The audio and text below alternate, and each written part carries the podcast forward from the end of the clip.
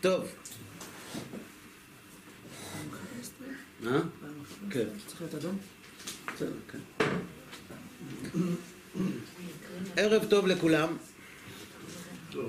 אנחנו אה, עסוקים הערב בסוגיה שהיא גם מסקרנת, גם מרתקת, אבל גם יש לה השלכות מעשיות על חיי היומיום שלנו, וכדי להמחיש זאת אני אה, אשתמש בכמה דוגמאות ברשותכם. אם אפשר להנמיך קצת את הרעש. לפני מספר שנים התארחתי. בבית של בני זוג שהבן שלהם, לא עלינו, נספר בתאונת דרכים בחוץ לארץ במהלך טיול של אחרי צבא וקרוב משפחה שלי אמר שהם מכירים אותי ואם uh, אני יכול לבוא קצת לתת להם עידוד זה יכול מאוד לעזור. אז כמובן שהלכתי וישבתי איתם ובעיקר הקשבתי להם. הם סיפרו על הילד ובמהלך השיחה שלנו האימא חזרה כמה פעמים על משפט שאומר אם הוא לא היה נוסע לשם הוא היה חי היום. עכשיו, אני לא יכול להכחיש משפט כזה. השאלה היא אם זה נכון. זאת אומרת, אם הוא לא היה נוסע לטיול, אז כנראה שבתאונת הדרכים הזאת הוא לא היה נספה. השאלה היא אם הוא לא היה נספה בתאונת דרכים אחרת. אנחנו לא יודעים. כלומר, הרבה מאוד פעמים בחיים אנחנו מנסים לחזור לאחור ולחשוב מה היה קורה אם הייתי עושה כך, ואם היה כך, ואם רק כך היה קורה, למשל בני זוג. אה, יש אנשים שאוהבים מאוד להשתמש במושג שזיווג משמיים. בדרך כלל כשזה לא עובד, אז אומרים שזה משמיים. אם זה עובד, אומרים יש לי בחירה טובה. אבל טוב שיש את מי להאשים. אגב, יש להם על מה לסמוך, זה לא דבר פשוט כל כך.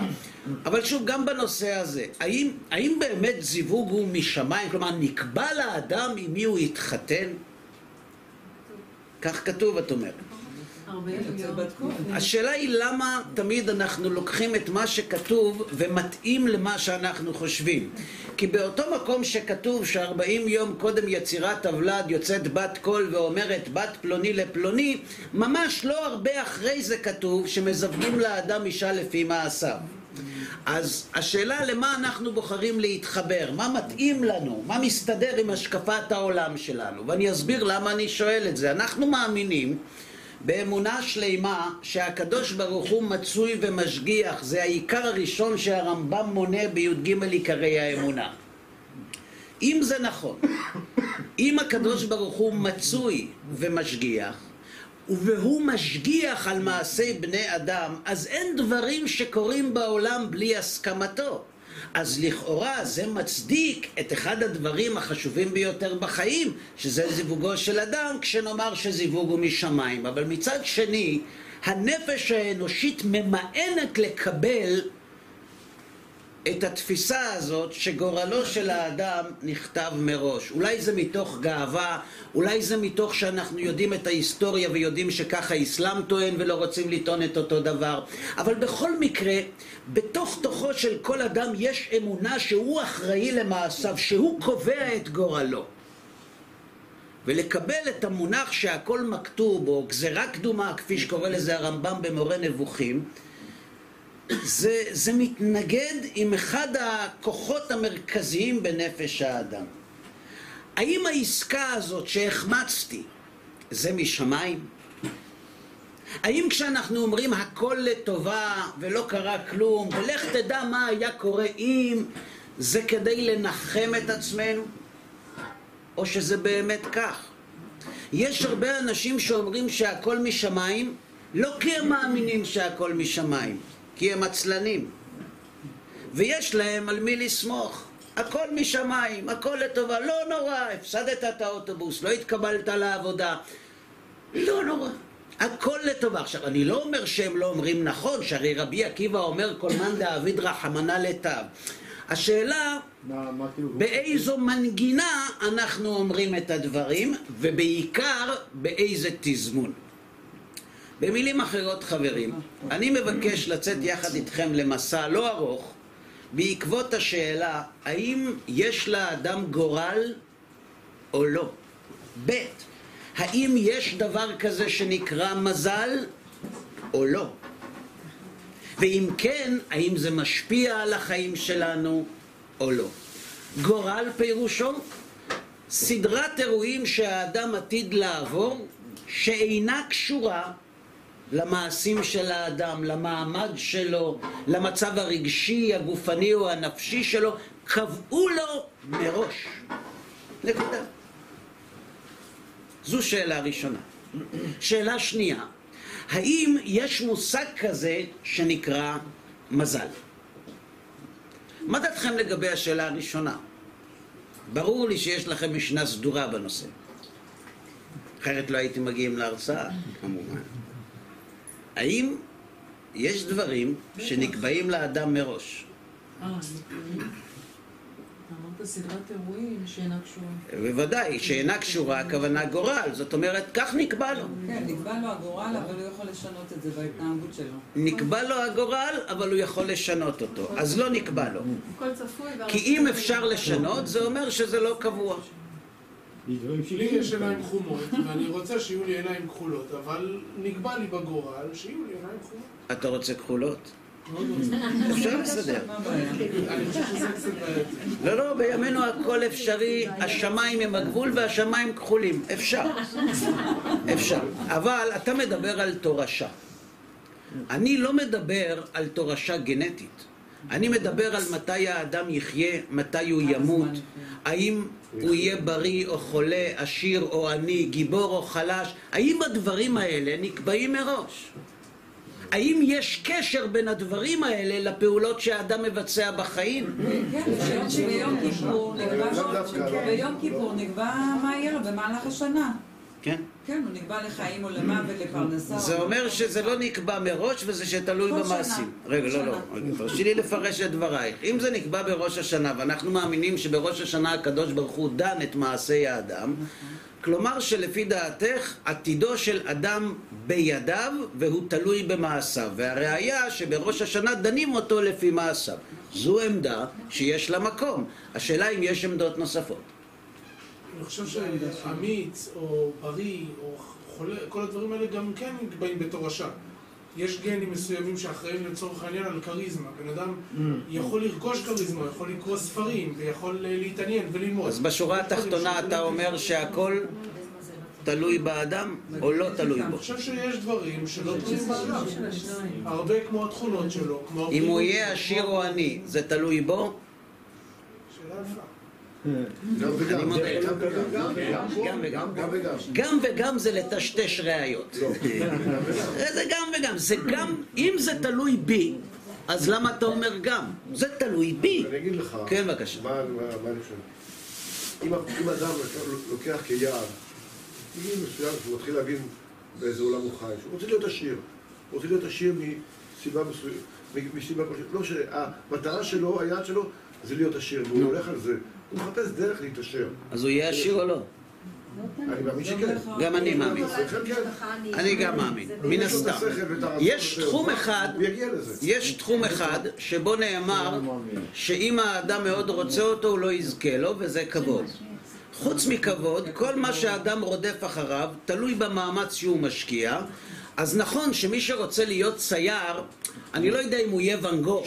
אבל כן, אבל, אבל, אבל לצייר הוא ידע עד גבולות שבהם הוא יכול להוציא לפועל את הכישורים שלו. אותו דבר גם עם אושר. יש אנשים שאין להם מוח מבריק במיוחד, אבל יש להם רצון חזק, והרצון החזק שלהם אולי לא יביא אותם אל אה, רשימת עשירי העולם, אבל הם יחיו במעמד הבינוני הגבוה, והם ייסעו רק שלוש פעמים בשנה לחו"ל ולא חמש פעמים. בסדר, אה, זה נכון, אז למה אתה אומר גם וגם? זאת אומרת, למה זה, זה גם כתוב מראש וגם תלוי, או שזה רק תלוי? לא, זה, זה, גם, זה גם רצון, אבל זה לא רק. מה עוד? בוא, בוא, בוא, בוא ניקח... מה עוד? בוא ניקח... לא, לא, לא בוא ניקח. תענה לי, מה עוד? מה עוד מה? חוץ מרצון חזק, מה עוד צריך שיהיה? כישרון. כישרון. כישרון. לא הרבה. תראה, ראינו אנשים שעם מעט מאוד כישרון. ראינו אנשים עם הרבה מאוד כישרון שלא נהיו גם עשירים. עם מעט כישרון. בשביל להפך. אז אתה אומר צריך מזל, אני חושב שלזה הוא מתכוון גם. צריך גם קצת מזל, כזה משהו שאי אפשר להסביר אותו.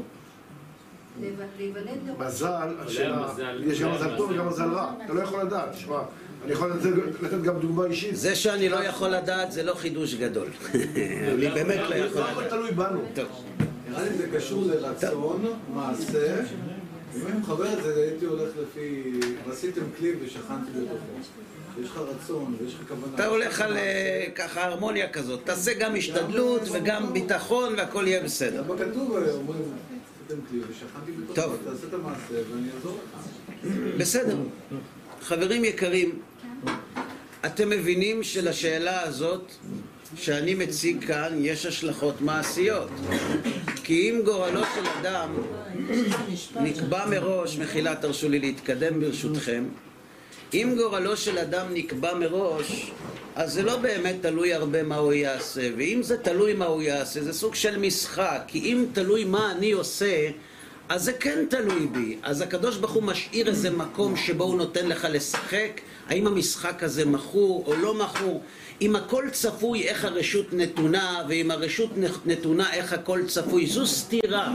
הניסיון לומר גם הכל צפוי וגם הרשות נתונה, אפשר להאמין כי זה כתוב, אבל הסבר רציונלי קשה מאוד למצוא בין שני הגורמים הסותרים הללו, ובזה אנחנו בעזרת השם מבקשים לטפל. בסדר? מצוין. למעשה אנחנו רואים שיש בדברי חז"ל גישות סותרות לגמרי. ממש מנוגדות זו לזו בכל מה שקשור למזל ולגורל. אגב, ההגדרה של מזל, גם היא זקוקה למזל, ולא בטוח שיש לה מזל, כי קשה מאוד להגדיר מה זה מזל. אבל בדרך כלל כשאנשים אומרים יש לו מזל, הם מתכוונים שהאיש הזה, אה, אה, מרחפים עליו צירופי מקרים מעבר להסתברות הסטטיסטית, בכל דבר שהוא עושה, תמיד יוצא לו הכי טוב. איפה שיש חול הוא עושה אותו זהב. אז הוא יש לו מזל. ומי שאיפה שיש זהב הוא עושה אותו חול, וזה גם מומחיות, תשאלו נשים, הן יודעות על הבעלים את זה הרבה.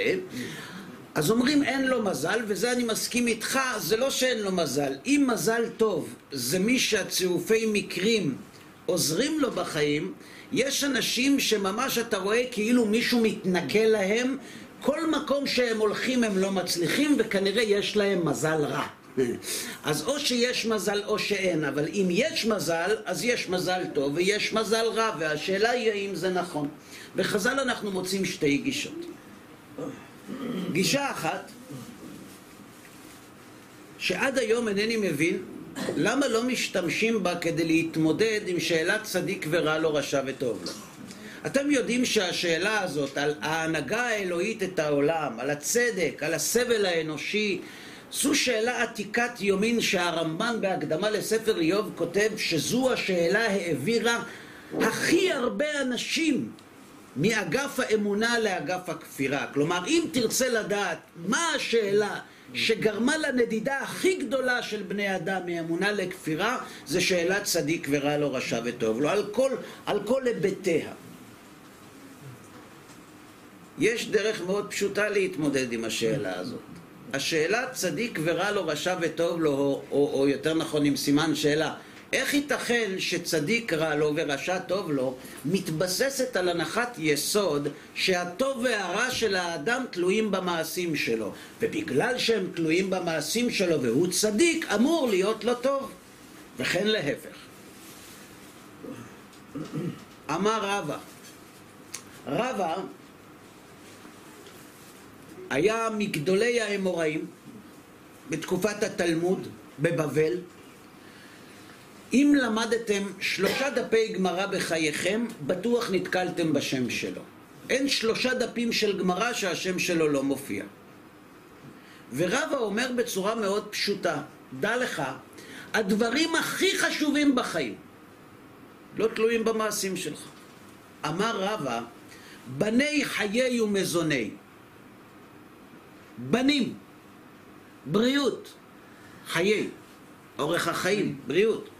ומזוני, כלומר פרנסה, לאו בזכותה תליה מילתא, אלא במזלה תליה מילתא. כלומר, ילדים אם יהיו או לא, בריאות אם תהיה או לא, פרנסה אם תהיה או לא, לא תלויה במה שאתה עושה, תלויה במזל שלך.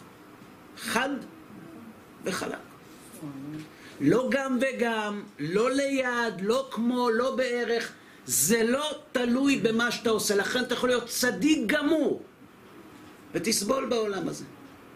כי הסבל והייסורים, העונג והשמחה לא תלויים במעשים שלך. מקור נוסף, הזוהר הקדוש. אתם יודעים שיש בתי כנסת שבארון הקודש יש הרבה ספרי תורה. נכון? יש, יש בתי כנסת, בעיקר עדות המזרח, מלא ספרי תורה. עכשיו, כל גבאי של בית כנסת, להיות גבאי של בית כנסת זה הרבה יותר מורכב מלהיות ראש עיר. כי אתה צריך לדעת תאריך פטירה של כל אחד, ומתי הוא חזר מחו"ל, ואם נולד לו נכד או נכדה, ו... צריך לנהל יומן, את מי מעלים לתורה היום, איזו פרוכת שמים מתי, מתי האזכרה של פלוני, את מי מעלים, איזה ספר מוציאים. בקיצור, יש ספרים שמוציאים בשני וחמישי. יש ספרים שמוציאים רק בשבת, יש ספרים שמוציאים בראשי חודשים, יש ספרים בשבתות, יש ספרים בשלושה רגלים, יש ספרים שאף פעם לא מוציאים אותם מהארון, חוץ מיום אחד. שמחת תורה. בשמחת תורה בדרך כלל מוציאים את כל הספרים, אבל מי שיש לו עין חדה יכול לזהות שגם בשמחת תורה במקומות מסוימים יש ספר אחד שהוא נשאר בפינה. או שהוא כבד, או ש... לא יודע. אומר הזוהר, גם זה תלוי במזל. הכל תלוי במזל. אפילו ספר תורה שבהיכל. זאת אומרת, לא רק המדבר כפוף למזל, אלא גם החי והצומח ואפילו הדומם כפופים למזל.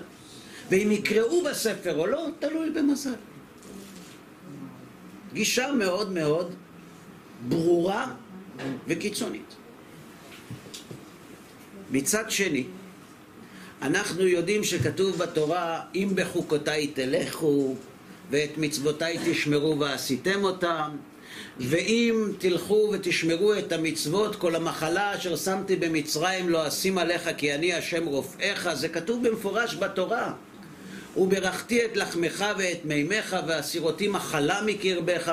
יש פסוקים מפורשים שמחברים את החיים ואת איכות החיים של האדם למעשים שלו, ובגלל הפסוקים האלה נבנה את השאלה הקשה מדוע דרך רשעים צלחה, ששואל ירמיהו הנביא, או מה שמשה רבינו שואל את הקדוש ברוך הוא כפי שמופיע במסכת ברכות, מפני מה יש צדיק וטוב לו צדיק ורע לו, מפני מה יש רשע וטוב לו רשע ורע לו, כלומר השאלה הזאת היא לא באה משום מקום, יש לה מקור.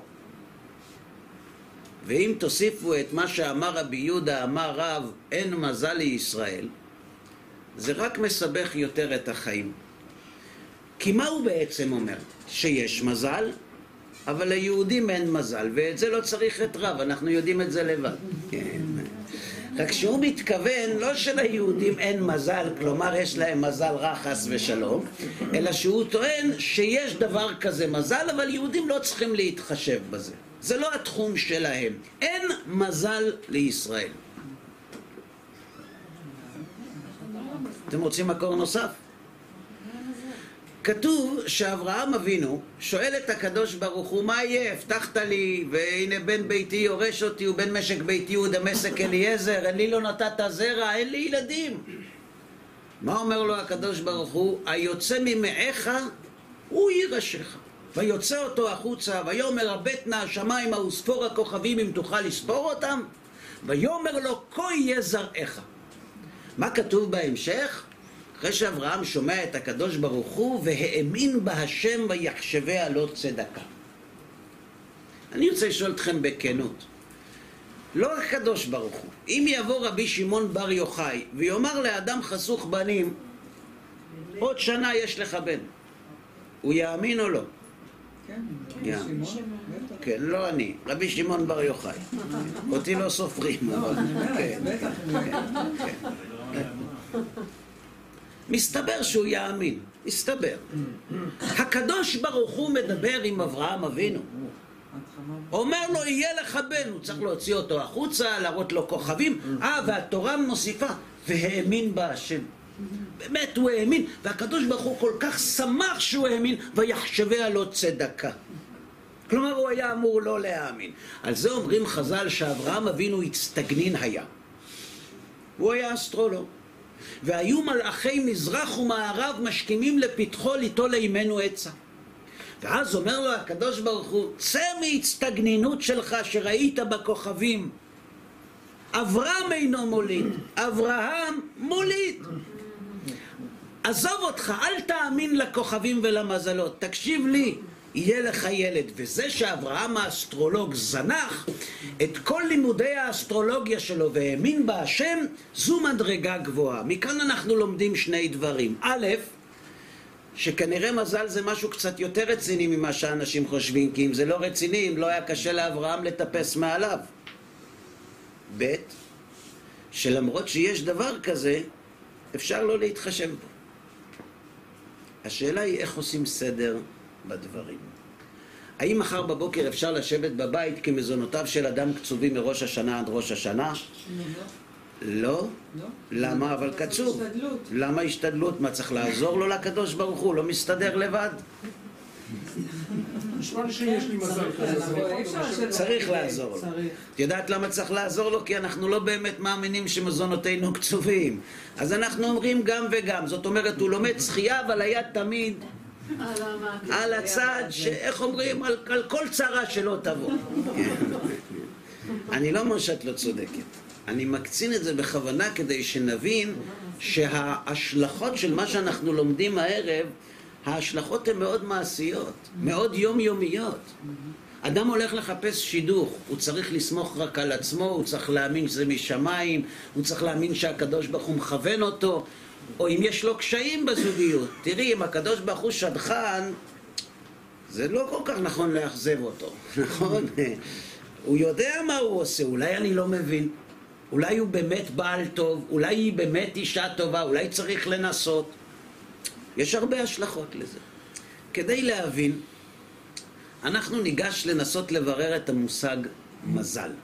מה זה המילה הזאת, מה היא, שאומרים אותה אנשים וכולם מצפים לה בעיקר ביידיש שיהיה מזל. אה, מקריות.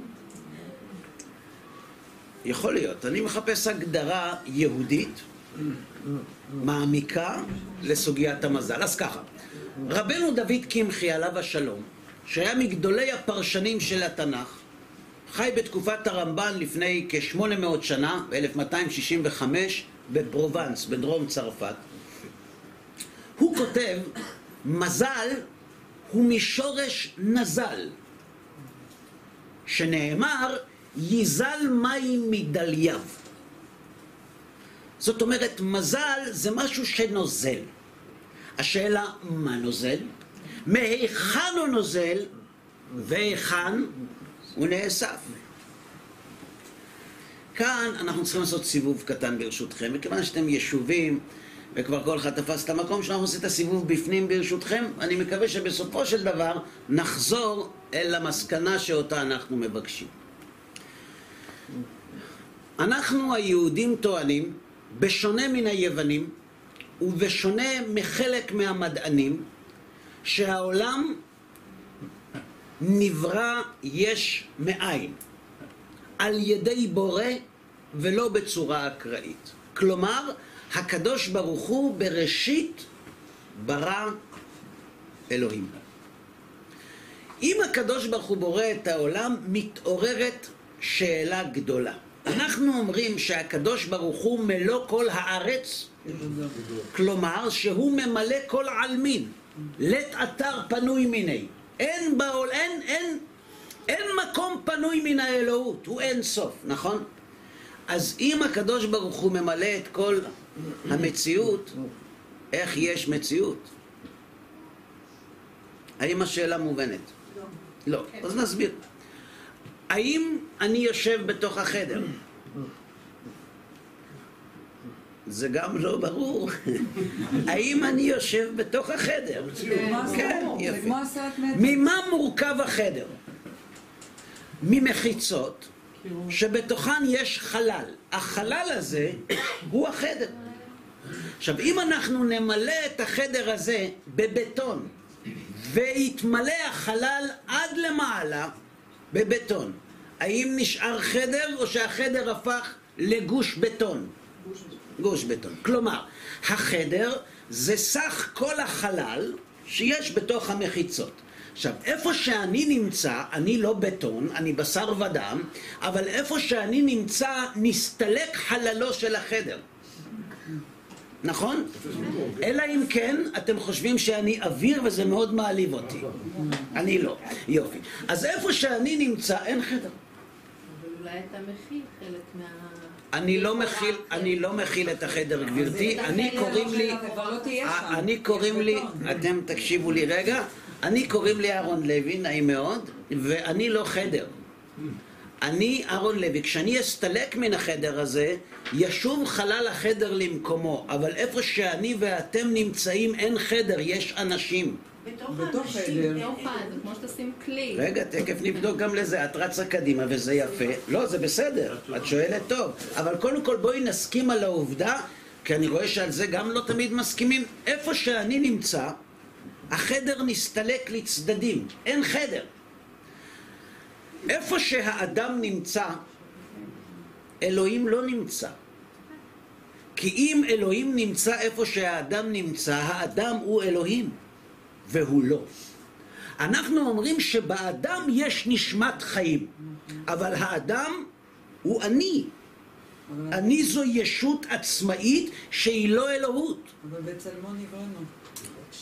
זה נכון, בצלמו, אבל האם אני קיים? איפה שאני קיים, אני, אני מקווה שאת מסכימה איתי שאני לא אלוה. יפה. אז אם אני לא אלוה ואני קיים, והקדוש ברוך הוא ממלא את כל העולם, איך יש מקום לעולם להתקיים? על זה משיבים המקובלים, שזהו סוד הצמצום. דהיינו, כביכול, צמצם הקדוש ברוך הוא את עצמו ונתן מקום לקיומו של העולם. כי אם האלוה לא מצמצם את עצמו, אי אפשר שחוץ ממנו יהיה עוד משהו.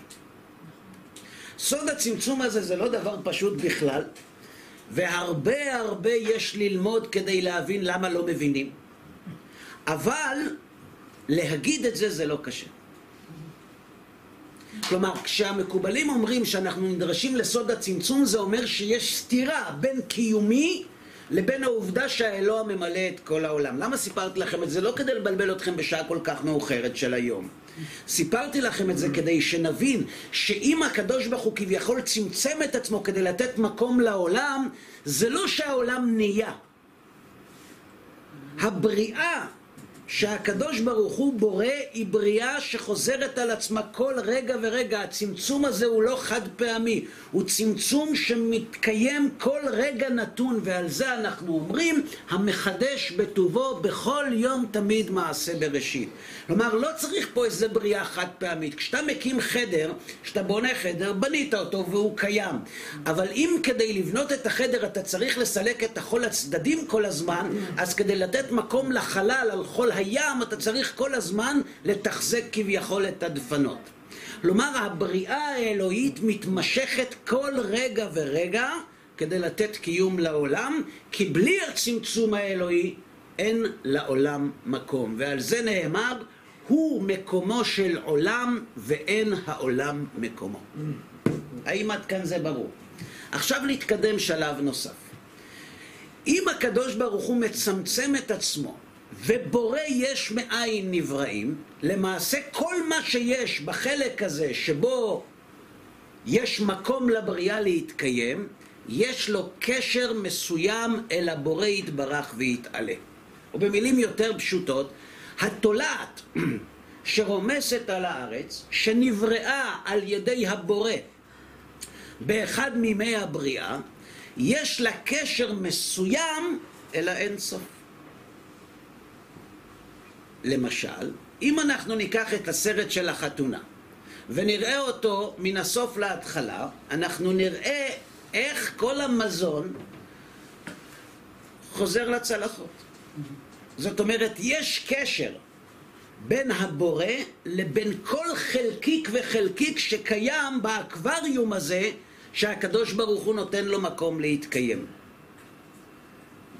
לקשר הזה קוראים מזל. לכן אין בעולם נברא חלקיק שאין לו מזל. רגע, שנייה. לא. רגע, אבל איך, איך, איך, כן, הוא 2020. עוד לא, עוד לא פתחנו את העטיפה, זאת אומרת, לאט לאט, ת, ת, תתרגשי קודם כל מהרעיון, אחר כך שאלות, לאט לאט. אנחנו מתכוונים לומר שלכל נברא בעולם, אם הולכים להתחלה, הוא מגיע אל האינסוף, הוא מגיע אל הבורא, כן או לא? כן. למקום. האם יכול להיות שיש קיום למשהו בתוך האקווריום שהקדוש ברוך הוא נתן לו מקום בלי שהוא מגיע מאת הבורא? לא. לכן אנחנו מסיקים שכל דבר שקיים, היה קיים ויהיה קיים בבריאה, באיזשהו שלב של תהליך הוא מתחבר אל הקדוש ברוך הוא. אל הוא אמר ויהי, הוא ציווה ויעמוד, בדבר השם שמיים נעשו. בדיבור האלוהי, במאמר. הקשר הזה הוא זה שנותן לנברא קיום במרחב המצומצם, כי אחרת הוא לא היה יכול להתקיים. אם המרחב המצומצם הוא המקום שבו הקדוש ברוך הוא נותן אפשרות לבריאה להתקיים, כל דבר שקיים בבריאה הזאת זקוק להיות לו קשר אל המצמצם כדי שהוא יהיה מסוגל להתקיים במרחב המצומצם. לקשר הזה קוראים מזל. ולכן אין לך עשב בעולם שאין מלאך שמכה בו ואומר לו גדל. זה לא שאם תסתכלו עם מיקרוסקופ על הגבעול של הדשא אתם תראו מלאכים קטנים. לא. אתם תראו נמלים. אבל הכוונה היא שאם יש עשב בעולם, יש איזשהו כוח רוחני שמתחבר אל האין סוף שהוא נותן לו את זכות הקיום, את האפשרות לצמוח, ובדומם את האפשרות להתקיים. לזה קוראים מזל. ומכאן שאין נברא בעולם שאין לו מזל. למה קוראים לזה מזל? למה קוראים לזה מזל? תשובה. היא שאלה אותי.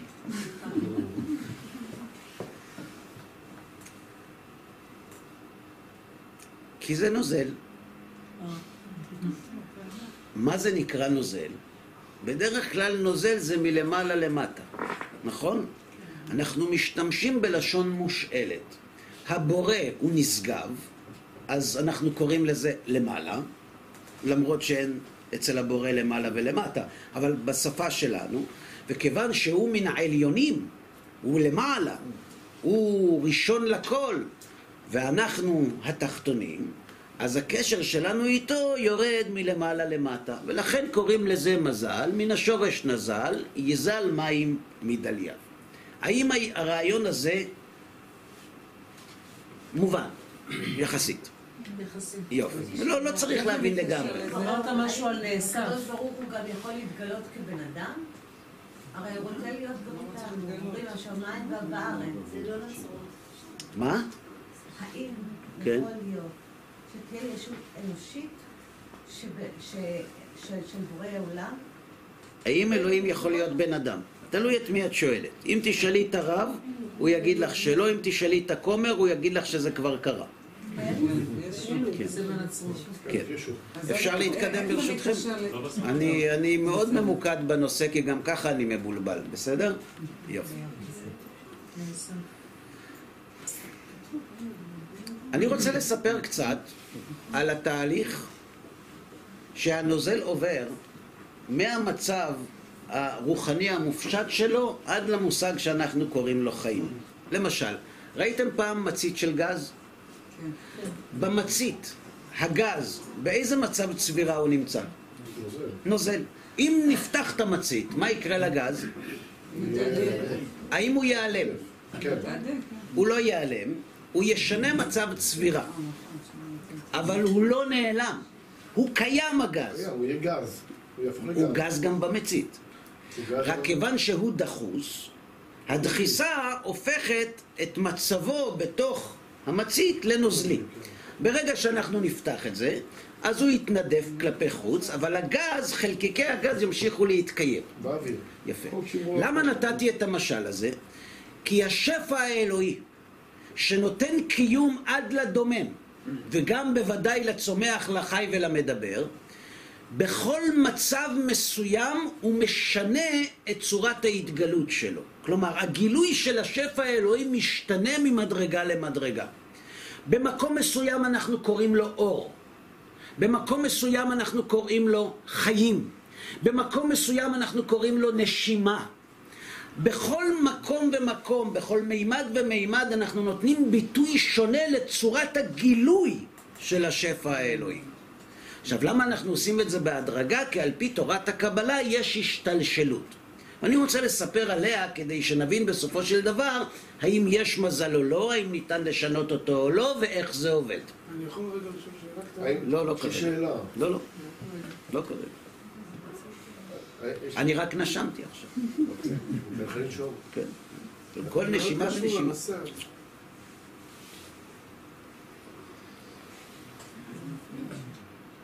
בסדר?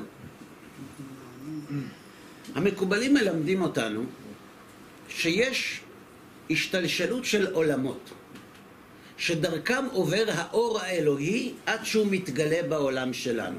הגילוי של האור האלוהי בעולם שלנו הוא בדומם, צומח, חי ומדבר. והוא עובר ארבע קומות. אנחנו נתייחס כרגע רק לשלוש. יש אצילות, בריאה, יצירה ועשייה, אבל אנחנו את האצילות נשאיר למעלה ונדבר רק מעולם הבריאה, יצירה ועשייה. למה זה נקרא עולם? למה לא קוראים לזה מדרגה?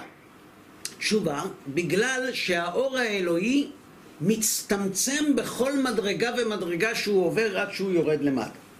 למשל, חברת חשמל, היא מייצרת חשמל בטורבינות. אני לא מציע לאף אחד לחבר את הטלפון הסלולרי שלו, גם שהוא מאוד חכם, לחשמל שהטורבינה מייצרת, כי יקרו דברים מאוד לא נעימים שם.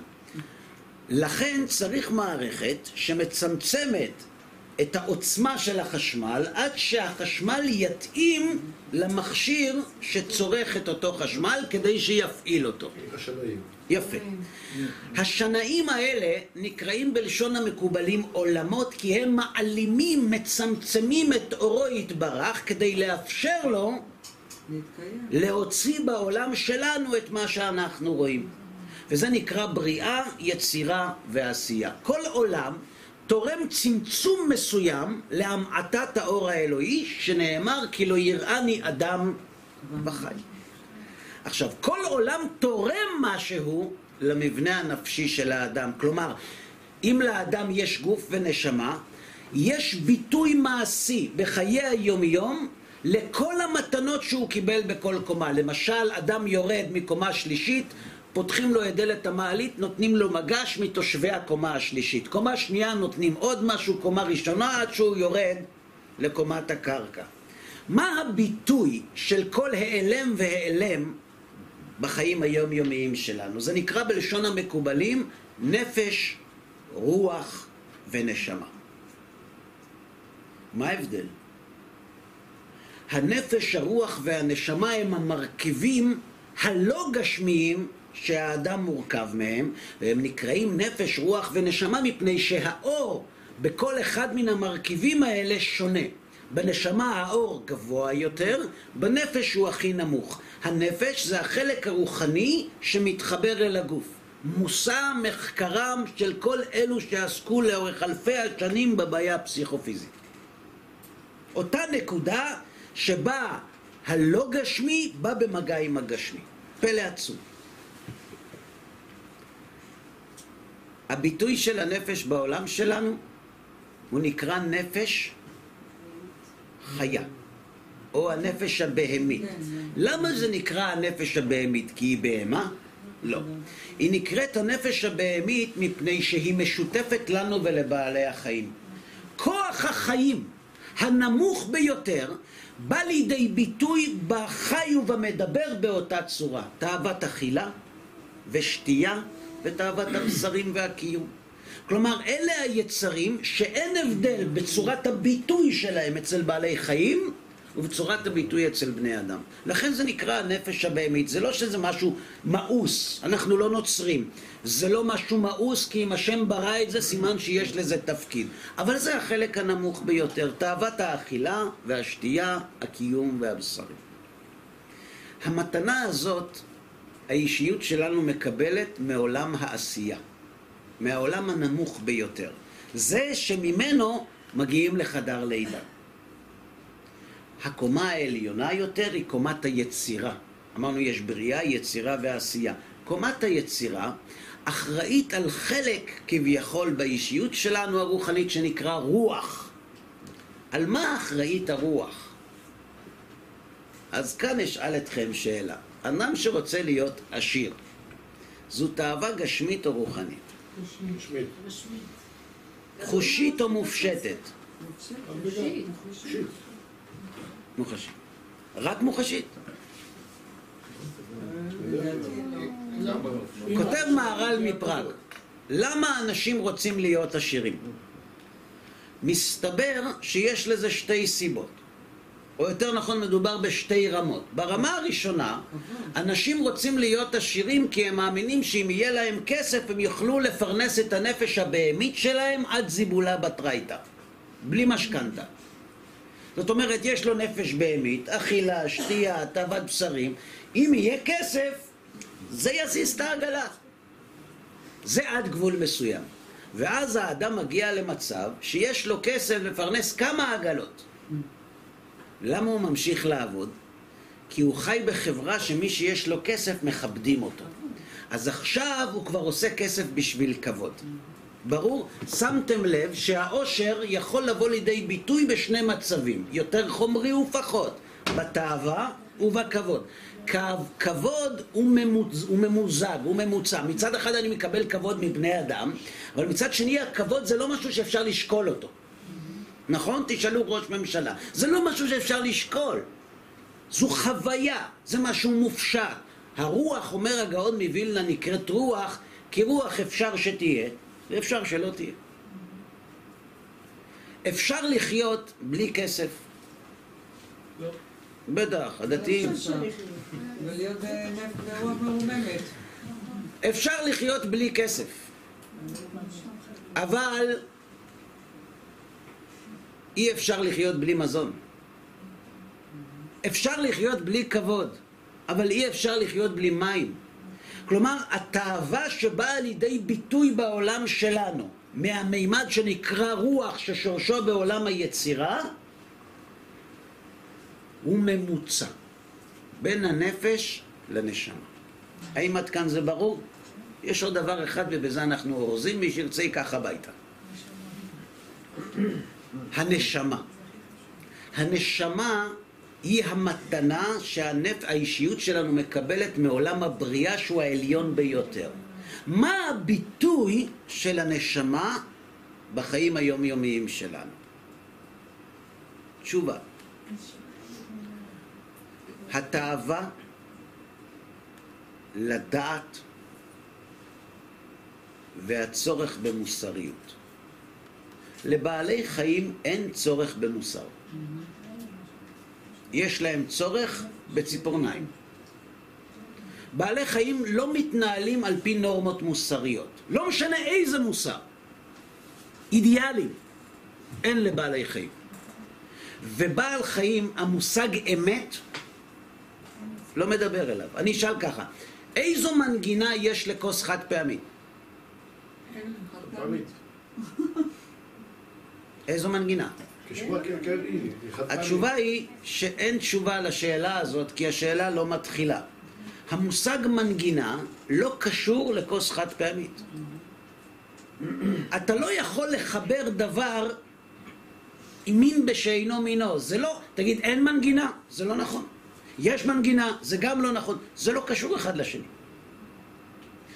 כשאנחנו מדברים על תאווה לאמת, על סקרנות, על הרצון לדעת, הרצון לדעת זו תכונה שכמובן גם, אין דבר שהוא לא קיים גם בבעלי חיים וקיים באדם, השאלה באיזה מינון, כן?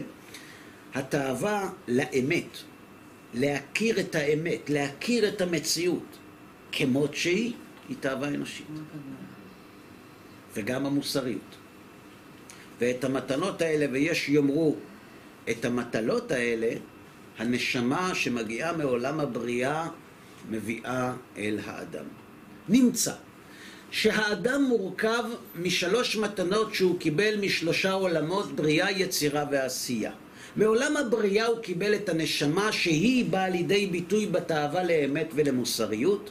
מעולם היצירה האדם מקבל את הרוח שזו תאוות העושר והכבוד, ומעולם העשייה האדם מקבל את הנפש שהיא התאווה לאכילה, לשתייה ותאוות הבשרים. ברור עד כאן? עכשיו עוד נקודה קטנה. מי זה השנאי שמעביר את המתח מעולם האצילות, מעולם הבריאה לעולם היצירה? מי זה השנאי שמעביר את האור האלוהי ומצמצם אותו מעולם היצירה לעולם העשייה? ומי הוא זה שמוריד את אותו אור מעולם העשייה לעולם החומרי שלנו? תשובה, בעולם העשייה השולטים בו אלה כוכבים ומזלות. כוכבים ומזלות כנגד עולם העשייה, כנגד הנפש. בעולם היצירה, מלאכים כנגד הרוח, כנגד העושר והכבוד, ובעולם הבריאה, הנשמות, נשמות הצדיקים, כנגד עולם הבריאה, כנגד הנשמה. והנה יש לנו תשובה מסודרת. מי שהחלק המרכזי באישיות שלו זה נפש, אכילה, שתייה, תאוות בשרים, זה מה שמעניין אותו. לא מעניין אותו יותר כלום. הוא לא בן אדם רע. הוא לא מזיק לאנשים, אבל תן לו את הפינה שלו עם הזה שלו ועם הזה שלו, והוא מסודר, הוא אין לו שאיפות יותר. מאוד כדאי שיהיה לו מנוי אצל אסטרולוג, זה יכול מאוד לעזור. כי בעולם העשייה, שממנו החלק הדומיננטי באישיות של האדם, שולטים כוכבים ומזלות. לעומת זאת, יש אנשים שהם בקומה גבוהה יותר, והם, אה, בסדר, אוכל, זה בסדר, צריך שיהיה כסף בחיים, שיהיה כבוד בחיים. שם יש מלאכים, כי זה עולם היצירה. אבל מי שהחלק המרכזי באישיות שלו זו השאיפה לאמת ולמוסריות, מי ששולט על העולם שבו הוא נמצא זה הוא בעצמו. כי זהו מחצב הנשמות. נמצא שיש בידי האדם היכולת לקבוע מה יזרום בצינור שנקרא מזל. כשיש סתימה בצינור, איך זה בא לידי ביטוי? יש קצת קורוזיה, יש קצת חלודה, איך, איך זה בא לידי ביטוי בחיים של האדם? צמצום, סבל, חולי, רעב, ואם זה נסתם לגמרי, זהו שלא. לא. כתוב בפסוק, תסתר פניך ייבהלון. תסתר פניך זה צמצום. תוסף רוחם יגבעון ואל עפרם ישובון. אתם יודעים מה זה מוות? מוות זה שהשנאים קורסים והמתח החשמלי בלי שום מסננים מחברת החשמל נכנס ישר לתוך המכשיר. תוסף רוחם יגבעון. זה נקרא שהכלי נשבר, הוא לא מסוגל להחזיק את עוצמת האור. יש לנו יכולת לשלוט על אותו שפע שהמקובלים קוראים אותו מזל, שהוא למעשה בשפה היומיומית שלנו הקשר של האדם עם הקדוש ברוך הוא, שהמשמעות שלו זה נתינת מקום לנברא בעולמו של הקדוש ברוך הוא. וזה תלוי בו, זה תלוי במעשים שלו. אם הוא מתמכר לכוחות הנפש הבהמית, אז הוא נשלט על ידי חוקי הטבע והכוכבים והמזלות. ואם הוא קצת יותר, אז הוא נשלט על ידי מלאכים, שנאמר עושה מלאכיו רוחות ומשרתיו אש לוהט. אבל אם הוא מטפס מעבר לזה, והוא משתית את חייו על אמת ועל מוסר, הוא שולט בצינור. כשאני מדבר על אמת, אני לא מדבר על אמת יחסית. השאיפה לאמת זה דבר נפלא. מציאת האמת תלויה בשאלה אם יש אמת מוחלטת או לא. כי אם אין אמת מוחלטת, השאיפה לאמת היא תחביב יפה, אבל אין לה שום משמעות מעשית בחיי היומיום. לכן אומרים אין מזל לישראל. למה רק לישראל? כי היחידים שטוענים שהאלוה דיבר איתם ונתן להם תורה שבאה מבחוץ אל העולם שלנו, זה העם היהודי. ולכן אנחנו קוראים לתורה הזאת תורת חיים, כי היא מאפשרת לאדם לשנות את החיים שלו ולהעלות אותו מקומת עולם העשייה לקומת עולם הבריאה, ולכן יש מזל, אבל ישראל יכולים לעלות אל מעל המזל. לא בטוח שיעלו, אבל יש להם האפשרות. אגב, גם גויים שמקיימים שבע מצוות בני נוח, כי הקדוש ברוך הוא ציווה. גם הם יכולים להתעלות מעל המזל, ובמילים פשוטות, גם הם יכולים להשפיע על הנזילה באותו צינור שאנחנו קוראים לו מזל. האם עד כאן זה ברור? לכן, כשחז"ל אומרים, למשל, אמר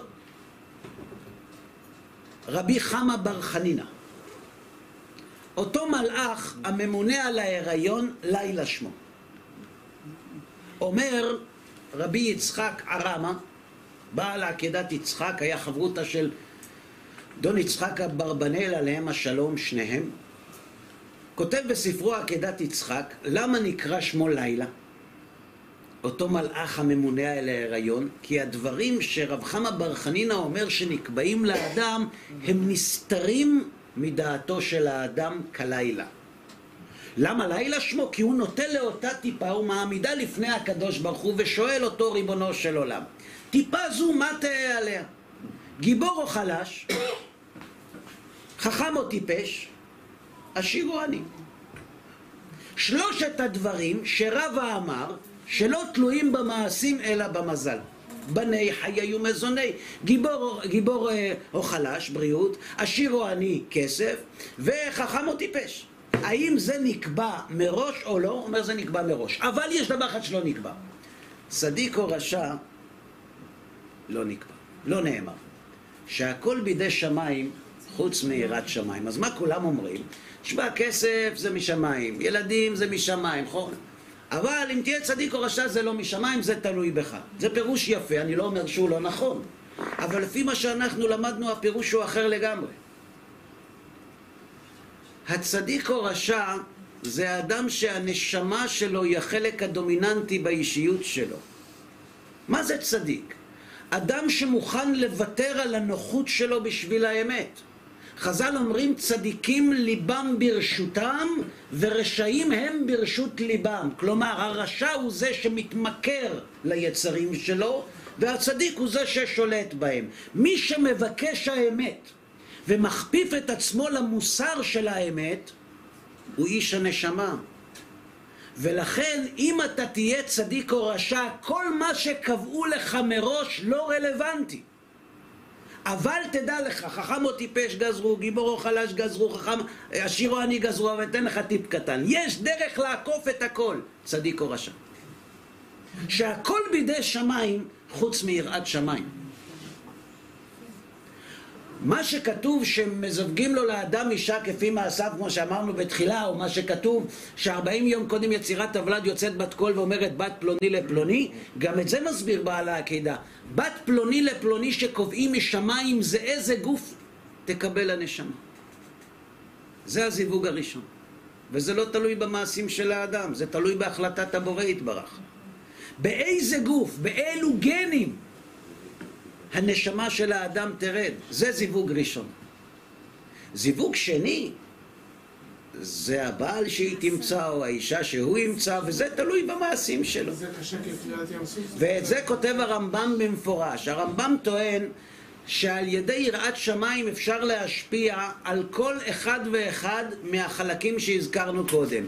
למשל, איך תשתמש בכסף? אם תשתמש בכסף בצורה של צדיק, זה ישפיע על העשיר או עני.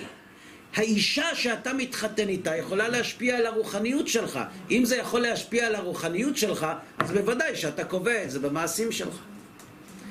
כל מה שאמרנו עד עכשיו בסיכום, זה שאותו קשר של הנברא עם הבורא שעובר דרך השתלשלות, יכול להשפיע על החיים היומיומיים של האדם, וזה תלוי באיזה חלק דומיננטי באישיות של האדם, האדם משתמש. כל מה שאמרנו עד עכשיו זה נכון, אבל זה חלקי בלבד. כי יש שני סוגים של מזל. יש מזל עליון ויש מזל תחתון. מזל תחתון זה כל מה שדיברנו עד עכשיו. מזל עליון אי אפשר לשנות. בשום אופן. ולמרות שאמרנו שאי אפשר לשנות, אה, אפשר לשנות. אבל אל, אל תצפו יותר מדי, כי בשורה התחתונה באמת שאי אפשר לשנות. עכשיו רק נסביר למה. את שאלת מה ההבדל בין מזל עליון למזל תחתון.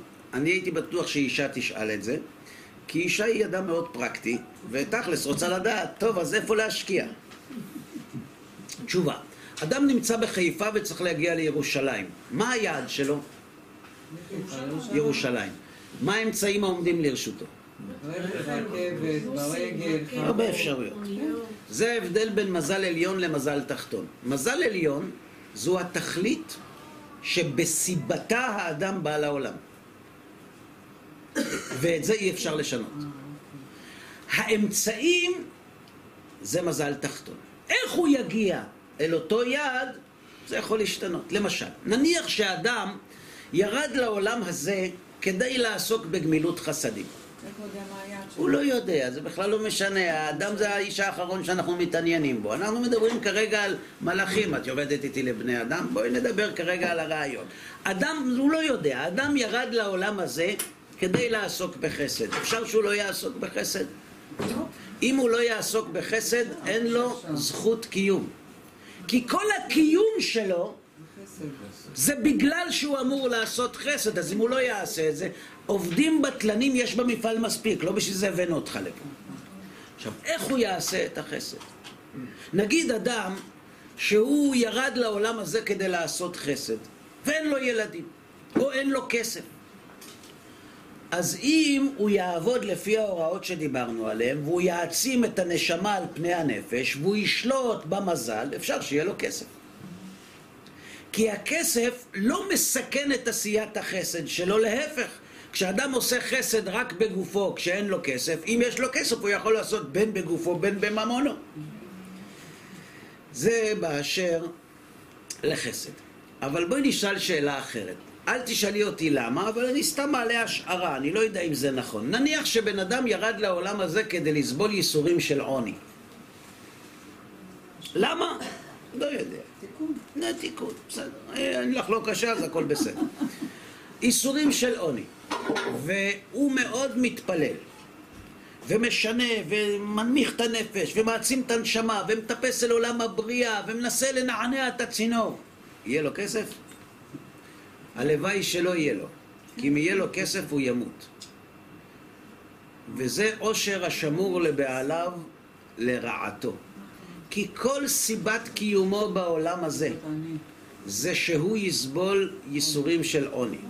הוא יכול להיות חכם, הוא יכול לקבל ילדים מחונכים, הוא יכול לקבל חוכמה, הוא יכול לקבל כבוד, הוא יכול לקבל הכל. כסף לא יהיה לו. כי אם יהיה לו, הוא לא יהיה. אני לא יודע. אני, אני, אני רק מעלה השערה, אני רק רציתי לתת דוגמה מה אי אפשר לשנות. אבל נניח שזה שבא לעולם הזה לסבול עוני, גם אין לו ילדים. אז אם הוא ישנה את המבנה, הוא יזכה לילדים. כי הילדים הם לא המזל העליון שלו. הם קשורים לאמצעי ולא למטרה. המזל העליון שלו זה עוני. ברור? זה מה שאמר הקדוש ברוך הוא לרבי אלעזר בן פדת. כתוב בגמרא שרבי אלעזר בן פדת היה עני מרוד ו- ו- ומרוב רעבו נתעלף ושכב בבית ובאו חכמים לבקר אותו וראו אותו שהוא בוכה וצוחק. אז שאלו אותו כשהתעורר, תגיד, אה, ראית את המנהרה? וכמו שואלים כל מי שעבר מוות קליני. אז הוא אומר שהקדוש ברוך הוא דיבר איתו. מה אמרת לו? הוא אומר, אמרתי לקדוש ברוך הוא, מה, ריבונו של עולם, אתה יש לך כל כך הרבה, לי הכסף ולי הזהב, נו מה שמה, כל כך קשה לך לתת לבן שלך אלעזר בן פדת צד ככה לגמור את החודש? אני לא מדבר וילה בסביון, אני מדבר מלונית. קשה לך.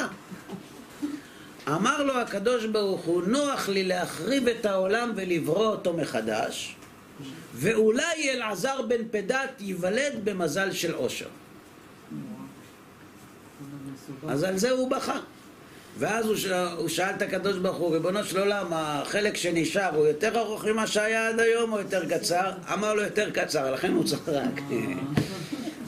מה, כל כך קשה לקדוש ברוך הוא לתת לבן אדם עושר? תשובה, כיוון שהמזל העליון שלו, האור שהוא בא לתקן, הכלי יותר נכון שהוא בא לתקן הוא על ידי עוני, כדי לשנות את זה צריך להחזיר את הגלגל אחורנית ואת כל גלגלי השיניים לשנות כדי להביא את אלעזר בן פדת במזל של עושר. אז אתן לך הכל, עוני אי אפשר לשנות.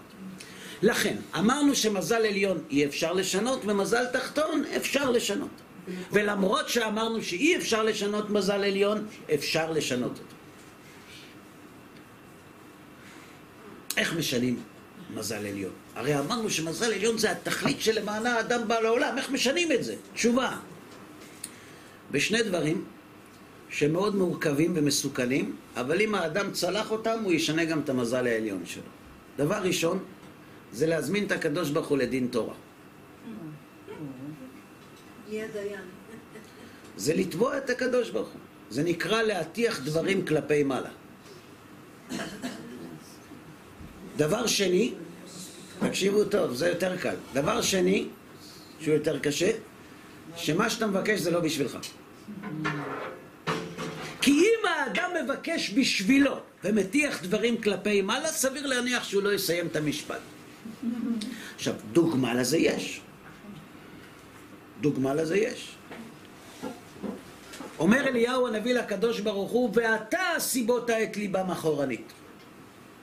על עם ישראל שעבדו עבודה זרה, אליהו אומר, ריבונו של עולם, אתה עשית להם את זה. אתה גרמת להם לעבוד עבודה. זה נקרא להטיח דברים כלפי מעלה. אבל אנחנו מוצאים לכך דוגמה בנביא. אנחנו יודעים, ויהי איש אחד מן הרמתיים צופים, ושמו אלקנה, נכון? אפרתי. והיו לו שתי נשים, שם האחת חנה ושם השנית פנינה, והיו לפנינה ילדים ולחנה אין ילדים. חנה לא היו לה ילדים, ואי אפשר היה שיהיו לה ילדים. כתוב בפסוק, וכי עשתה צרתה גם כעס בעבור הרעימה. פנינה הייתה מצערת מאוד את חנה. כתוב בחז"ל, הייתה אומרת לה כל מיני מילים של אימא שיש לה ילדים, לאימא שאין, לאישה שאין לה ילדים. אולי תבוא איתי, יש מבצעים, ב Black Friday נקנה לילדה משהו, אולי גם לך יהיה, בואי איתי. ו... וכי עשתה צרתה גם כעס, למה? חז"ל אומרים שפנינה לשם שמיים נתכוונה. איך אפשר להתכוון לשם שמיים כשאתה מצייר אישה על הכרותה זה דבר נורא, איך, איך אפשר להגיד שזה לשם שמיים? כתוב בפסוק, בעבור הרעימה. מה זה בעבור הרעימה? אז, אז ב, ב, בכיתה הסבירו לנו כדי שתתפלל, כי זה מה שהיינו מסוגלים להבין. אבל הרעימה זה לא להתפלל. הרעימה זה להתרעם. להתרעם זה לומר, לא מגיע לי. להתרעם זה לומר שאין צדק. להתרעם זה להזמין את הקדוש ברוך הוא לדין תורה. אז למה היא עשתה את זה לשם שמיים? כי היא הפסידה את כל הילדים שלה בגלל זה. כי כשאתה מצייר בן אדם, גם אם זה לשם שמיים, אתה בסכנה גדולה. עד עקרה ילדה שבעה ורבת בנים אומללה. על כל בן שנולד לחנה נפטר לפנינה בן. כך כתוב. בכל מקרה, מה חנה עשתה? הרי אנחנו יודעים שאלקנה היה לוקח את חנה ואת פנינה למשכן בכל רגל ורגל משלושת הרגלים ואז היא באה למשכן כולה טעונה ואלקנה מנסה לפייס אותה, לא אנוכי טוב לך מעשרה בנים שום דבר לא מקשיבה, הולכת להתפלל בכניסה למשכן ועלי שומר את פיה עלי הכהן, כהן גדול, זה שמלמד סנגוריה על עם ישראל, זה שבזכותו כל השפע של עם ישראל מגיע, זה שמתפלל ביום כיפור בתוך קודש הקודשים עבור גשם ועבור עם ישראל ועבור העקרות שייפקדו, הוא-הוא, זה שמלמד זכות על כולם שומר את פיה. וחנה היא מדברת על ליבה. רק שפתיה נעות. וקולה לא יישמע, ויחשביה עלי לשיכורה. אגב, למה חנה מדברת על ליבה? אתם זוכרים שאמרתי לכם שחז"ל אומרים שהצדיקים ליבם ברשותם והרשעים ברשות ליבם?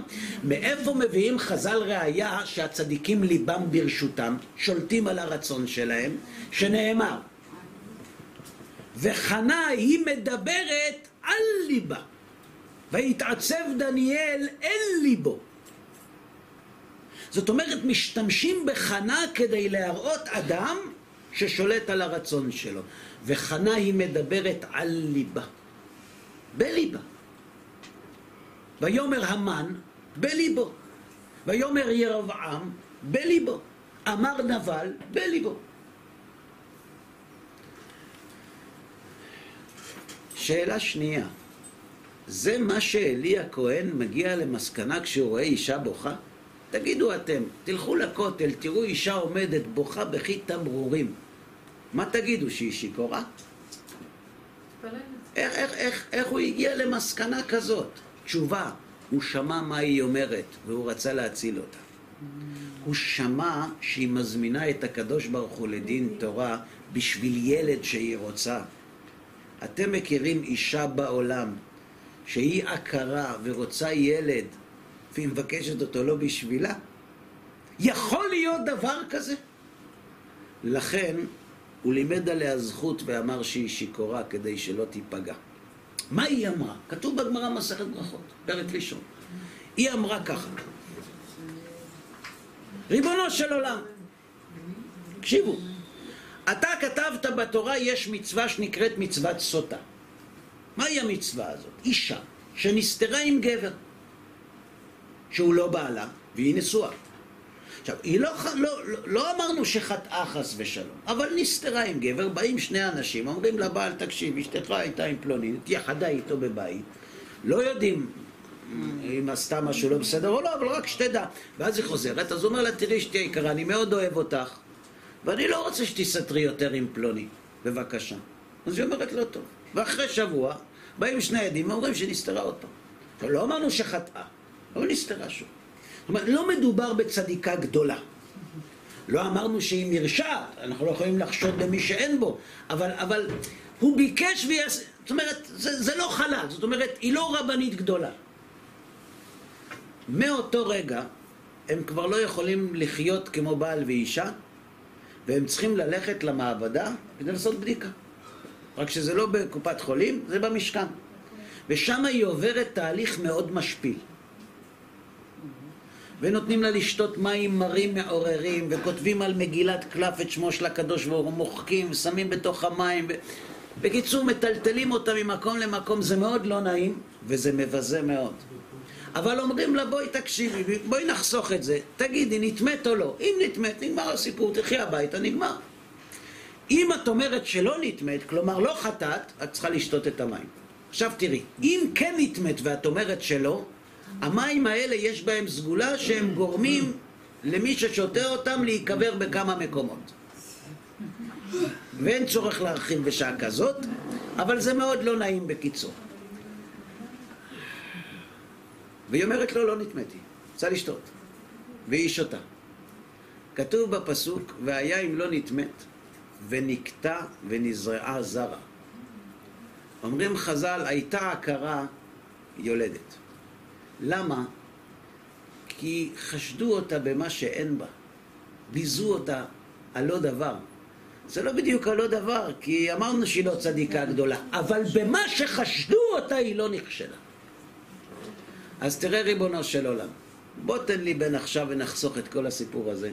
כי אם לא תיתן לי בן, אני אחזור עם בעלי, ואני אסתר, ויבואו עדים, ואני אסתר שוב, ויבואו עדים, ואז הוא יביא אותי בדיוק למטר המרובע הזה, ויטלטלו אותי, ויבזו אותי, ואני לא חטאתי, ובסוף תיתן לי בן. אז תן עכשיו! זה נקרא להטיח, זה לא פשוט, זה נקרא להטיח דברים כלפי מעלה.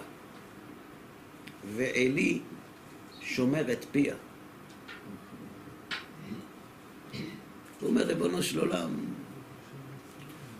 היא שיכורה. כי אם היא לא שיכורה, אין לה הרבה זמן להמשיך לחיות. אז היא כן הצליחה לשנות את המזל. אומרת לו, חנה, לא, אתה טועה, כבודו. כי אישה קשת רוח אנוכי.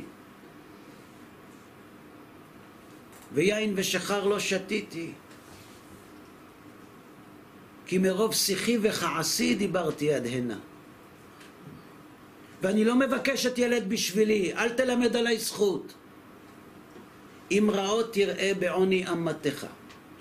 ונתת לאמתך זרע אנשים, והשאלתיהו לשם. והיה שם כל ימי חייו, ומורא לא יעלה על ראשו. אני לא מבקשת ילד בשבילי. תסתכל מה כתוב בסוף ספר שופטים. הפסוק האחרון בספר שופטים. בימים ההם אין מלך בישראל, איש הישר בעיניו יעשה. ריבונו של עולם, תראה את העם שלך. צריך מישהו שיעביר את העם הזה מתקופת השופטים לתקופת המלכים. את הבן הזה אני מבקשת. אני לא מבקשת אותו בשבילי. אני מבקשת אותו בשבילך. והשאלתיהו לשם. אלי מסתכל עליה בתדהמה, הוא בחיים לא ראה אישה שמבקשת את הדבר הכי אישי באישיות שלה, לא בשבילה. ייתן לך השם את שאלתך אשר שאלת מעמו. ואז אחרי תקופה כשהוא נגמל, היא מגיעה אליו והיא אומרת לו, אל הנער הזה התפללתי. קח אותו. והוא נהיה המנהיג שהעביר את עם ישראל מתקופת השופטים לתקופת המלכים. אז יש לנו בהיסטוריה דמויות שהצליחו לשנות מזל עליון. כי חנה הייתה אמורה להיות עקרה ולא ללדת. אבל כיוון שהבקשה שלה היא עבור הכלל, הרי למה האדם שמבקש לשנות את המזל העליון שלו לא מתקבל את בקשתו? כי הוא מאבד את זכות הקיום שלו. אבל אנחנו יודעים שבראש השנה יש שני ימים של דין. יום א' ויום ב'. אומר הזוהר הקדוש, יש הבדל ביניהם. היום הראשון הוא יום של דין קשה. והיום השני הוא דין רפוי, רפיה. מה זה דין רפוי? יש דין או אין דין? השופט הגיע או לא הגיע? תשובה. ביום הראשון של ראש השנה האדם נידון ביחס למעשיו. מה עשית כדי להגיע אל התכלית שלך? ועל היום הזה נאמר, מי יצדק לפניך בדין? מי יכול לבוא עם ידיים נקיות? למזלנו יש יום ב'. ביום הזה לא מודדים את האדם ביחס לתכליתו, מודדים אותו ביחס לאחרים. האם יש אנשים שאם מה שמגיע לו ביום הראשון יקרה, זה יפגע בהם? ולא מגיע להם, אז בזכותם הוא קיים. כלומר, לפעמים, כיוון שהרבים צריכים לו, למרות שהוא עצמו איבד את זכות הקיום שלו, כיוון שהרבים צריכים לו, הוא מתקיים. כשאדם מבקש לשנות מזל עליון, הוא לא יכול לבקש את זה בשביל עצמו, כי אם הוא מבקש את זה בשביל עצמו, אין לו איפה לעשות שבת. אבל אם הוא מבקש את זה בשביל אחרים, והאחרים צריכים לו, למרות שהוא מאבד את זכות קיומו בזכות האחרים, הוא יכול להמשיך להתקיים. אז למה אמרתי שלמרות שזה אפשרי, בסופו של דבר זה בלתי אפשרי? כי לא כולנו חנה. הצדיקים ליבם ברשותם, וחנה היא מדברת על ליבה. איזו אישה יכולה לשלוט ברגש שלה בצורה כל כך מוחלטת ולבקש משהו כל כך רגשי, אבל לא לתועלת עצמה. לכן חנה מובאת בתור של... אחד, אחת משלושה שמסמלים את הצדיקים, שליבם ברשותם. אבל לסיום, אני רוצה לומר לכם משהו מאוד מעודד. בטח כל אחד שואל את עצמו עכשיו, אז מי יודע מה מזל עליון, מה מזל תחתון? אולי בכלל לא שווה להשקיע. תשובה. חז"ל מלמדים אותנו, כך כתוב בנביא, כך כותבים המקובלים, כך כותב הארי הקדוש, כך כותב רבי חיים ויטל וכך כותב רבנו משה חיים לוצטו, כולם עליהם השלום, שהדור של ערב הגאולה הוא לא דור חדש, הוא דור שבא להשלים תהליך מסוים. כתוב בנביא, מה יהיה הניסיון?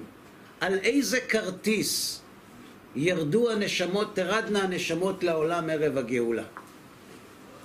והבאתי את השלישית באש, וצרפצים כצרוף את הכסף, ובחנתים כבחון את הזהב.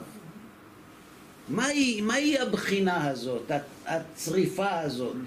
הוא יקרא בשמי, ואני אענה אותו. אמרתי, עמי הוא, והוא יאמר, השם אלוהי. אתם יודעים מה יהיה הכרטיס שעליו כולנו יורדים? הנה ימים באים נאום השם והשלכתי רעב בארץ. לא רעב ללחם ולא צמא למים כי אם לשמוע את דבר השם. חז"ל אומרים במדרש עשרה מיני רעבון ירדו לעולם, אחד בימי אברהם, אחד בימי יצחק, אחד, ואחרון, ואחד שמגלגל ובא לעולם. זאת אומרת, יש רעב אחד שהקדוש ברוך הוא יגלגל לעולם באיזשהו שלב, ויש פסוק שנאמר, הנה ימים באים נאום השם והשלכתי רעב בארץ. הרעב האחרון לפני הגאולה יהיה רעב לרוחניות. מדוע? כי הכרטיס שעליו ירדו בני האדם לעולם יהיה כרטיס של הוא יקרא בשמי ואני אענה אותו. אמרתי עמי הוא והוא יאמר השם אלוהי. ולכן הרמב"ם כותב בפרק י' מהלכות תשובה כל הנביאים לא נתנבאו אלא על התשובה וכבר הבטיחה תורה שסוף ישראל לעשות תשובה בסוף גלותם ומיד נגאלים. מדוע? כי זה חייב לקרות. כי זהו המזל העליון של הנשמות שירדו לעולם ערב הגאולה. וכל מה שלא קשור לזה ניתן לשינוי על ידי התשובה שהרי מהי התשובה? טיפוס מקומת הנפש או הרוח אל קומת הנשמה. טיפוס מקומת הנוחות אל קומת האמת.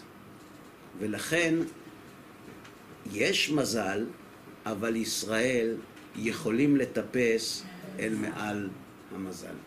שיהיה לכולם מזל טוב.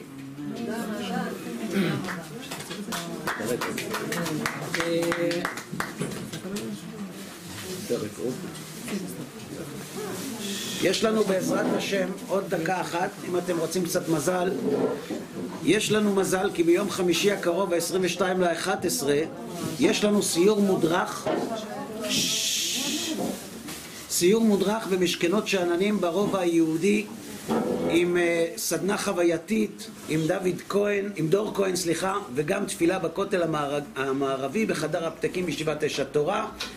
Uh, מי שרוצה יציאה היא מקריית אתא, דרך צומת הצרי ולב המפרץ, מי שרוצה בשעה חמש וחצי, מי שרוצה לקבל פרטים יכול לפנות לידידי היקר שעומד מאחורי כל הפעילות של ערכים כאן באזור, יחד עם האכסניה הנפלאה, הרב פנחס פרקש ובית uh, התרבות.